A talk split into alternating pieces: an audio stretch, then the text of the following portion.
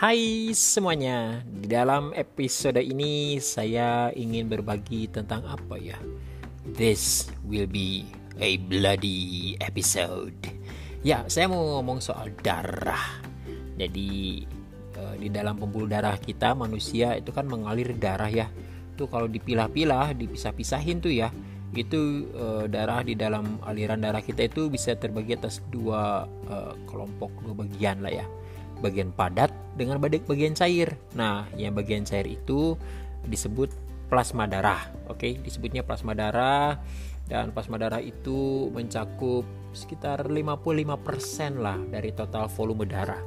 E, fungsinya di antaranya untuk mengangkut e, nutrisi sari-sari makanan, e, kemudian mungkin zat-zat pengatur hormon seperti itu ya e, termasuk e, mengangkut zat sampah yang mau dibuang itu itu semua di plasma darah. E, lalu bagian yang berikutnya adalah bagian yang kedua adalah e, komponen padat. Komponen padat ini e, 45 persennya kurang lebih adalah e, satu e, jenis sel darah yang namanya eritrosit atau sel darah merah. Ya lalu kurang dari satu persen itu terdiri atas dua jenis sel darah berikutnya yaitu leukosit atau sel darah putih dan trombosit atau keping darah. Ya nah eh, saya mau fokus ke komponen padatnya aja deh ya ke komponen padatnya aja nih. Eh, bagaimana kalau kita mulai bicara tentang eritrosit? Eritrosit itu sel darah merah ya bentuknya itu bulat ya eh, tapi dia bikonkav cekung di kedua sisinya ya. Bundar gitu ya. Dengan ketebalan tertentu. Hanya bagian tengahnya itu ketebalannya uh, lebih, uh, lebih, lebih pokoknya lebih tipis gitu ya. Itu kayak donat batal bolong gitulah ya. Itulah eritrosit atau sel darah merah ya bentuknya.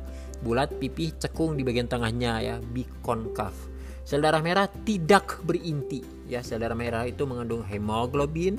Itu uh, adalah senyawa yang berfungsi untuk berikatan dengan gas-gas pernafasan, oksigen, karbon dioksida lalu mengantarkannya. Karena memang fungsi sel darah merah itu lebih ke fungsi uh, transport, mengangkut oksigen atau karbon dioksida ya di dalam uh, prosesnya disirkulasikan di dalam tubuh gitu ya e, berapa lama sih sel darah merah bisa beredar dalam tubuh kita? Ya umurnya usianya kurang lebih e, eh, 120 hari lah ya. Itu berarti kurang lebih 4 bulan ya. Kalau udah selesai e, 120 hari biasanya kemudian akan dirombak akan dirombak. E, lalu kemudian tubuh kita menghasilkan sel darah merah yang baru. Asik gitu ya. Itulah sel darah merah. Nah sekarang kalau oh iya dalam satu mililiter darah itu uh, kira-kira terdapat sekitar 5 juta sel darah merah lah ya dalam 1 mililiter darah. Nah, kemudian yang berikutnya adalah leukosit atau sel darah putih ya. Nah, ini uh, dalam 1 mililiter darah terdapat kurang lebih ya 5000 sampai 10000 butir lah ya per mililiter darah. Uh, kalau yang sel darah merah tadi uh, bulat pipi dan cekung di kedua sisinya uh, bikonkav, kalau sel darah putih ini bentuknya tidak tidak tetap lah ya amuboid seperti amuba ya. Jadi dia bisa uh, berubah-ubah bentuknya. Uh, dan berbeda dibandingkan dengan sel darah merah yang tidak punya inti, sel darah putih atau leukosit itu punya inti sel. Ya, punya inti sel. Dan dia fungsinya bukan bagian perhubungan, bukan di bawah departemen perhubungan tapi dia di bawah departemen pertahanan. Ya fungsinya untuk mem membela diri mempertahankan uh, negeri tubuh kita uh, dari gangguan ancaman penyakit kuman bakteri apa pun itu ya pathogenous organisms. Uh, itulah fungsi sel darah putih tentaranya kita gitu ya. Kalau ada benda asing yang masuk kuman yang masuk itu maka sel darah putih akan menuju ke TKP ya. Lalu kemudian dengan cara fagositosis maka sel darah putih akan me, me, menelan uh, kuman yang masuk itu intruder itu penyusup itu ditelan dihancurkan gitu ya dikunyah-kunyah-kunyah dan akhirnya tubuh kita aman dan bahagia selamanya. Amin gitu ya. Nah itu fungsi sel darah putih untuk melindungi uh, diri dan supaya bisa melindungi diri dari gangguan ancaman apa pun yang kita tidak pernah tahu datangnya di, dari sebelah mana di tubuh kita maka sel darah putih juga punya kemampuan yang namanya diapedesis. Kemampuan untuk menembus dinding kapiler. Jadi bisa keluar tuh dari uh, apa namanya circulatory uh, sistem. Bisa keluar dari pembuluh darah gitu. Ya dengan uh, metode kemampuan yang seperti hantu ya yang disebut diapedesis oke okay?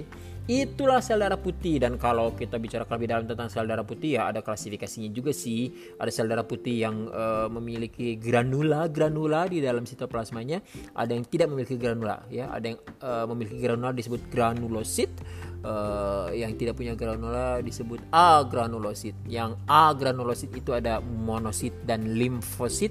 Yang granulosit itu ada uh, basofil, ada eosinofil dan ada neutrofil. Itu sel darah putih. Sekarang berikutnya adalah keping darah atau trombosit. Bahasa Inggrisnya adalah thrombocytes. atau uh, platelets. Nah, ini jumlahnya sekitar ya 250 ribu 400 ribuan gitulah ya e, di dalam satu mililiter darah ada ya, sekitar segitu 250 ribu sampai 400 ribu butiran lah ya. E, kemudian dia ukurannya oh dia mereka ukurannya kecil. Bentuknya kalau saudara merah jelas bulat uh, pipi cekung di kedua sisinya. Kalau sel darah putih jelas bentuknya itu tidak tertentu tidak tetap.